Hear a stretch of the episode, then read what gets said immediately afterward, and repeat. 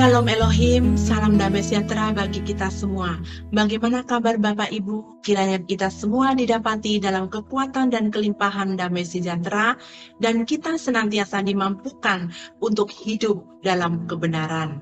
Bapak Ibu yang terkasih, mari kita akan tetap bersemangat di dalam pembacaan materi kita kali ini, yang saya ambil dari kitab 1 Timotius pasal 5 ayat yang ke-23. Saya akan bacakan untuk Bapak Ibu. Demikian bunyinya. Janganlah lagi minum air saja, melainkan tambahkan anggur sedikit, berhubung pencernaanmu terganggu dan tubuh sering lemah. Nasihat ini ditulis oleh Rasul Paulus kepada anak rohaninya yang bernama Timotius yang pada saat itu sedang mengembalakan jemaat yang berada di kota Efesus. Menjadi garis besarnya, perlu kita mengetahui bahwa nasihat ini atau teks ini harus dipahami sesuai dengan maksud, tujuan, dan konteks mula-mula surat ini dituliskan.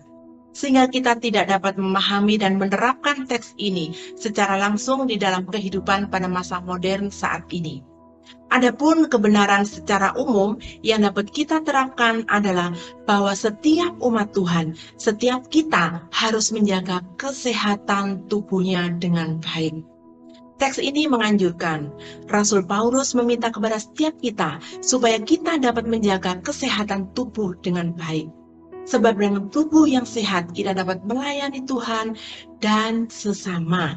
Sebab dengan tubuh yang sehat, kita dapat menikmati anugerah Tuhan, dan dengan tubuh yang sehat, kita dapat menjadi alat perpanjangan tangan Tuhan, serta dengan tubuh yang sehat merupakan wujud tanggung jawab kita kepada Tuhan.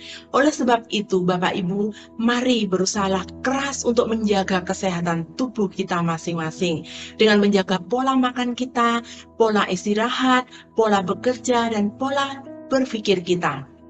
Serta terlebih utama menjaga pola hubungan kita dengan Tuhan.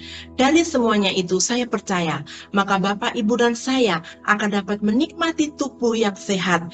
Kiranya Tuhan menolong Bapak, Ibu, dan saya supaya kita semua menjadi bersama-sama memuliakan Tuhan melalui tubuh kita yang sehat Terima kasih Bapak Ibu, kiranya renungan kita hari ini dapat memberi kita semangat, tetap memberkati kita semua, dan tetap kita memiliki hidup dan tubuh yang sehat bersama Tuhan.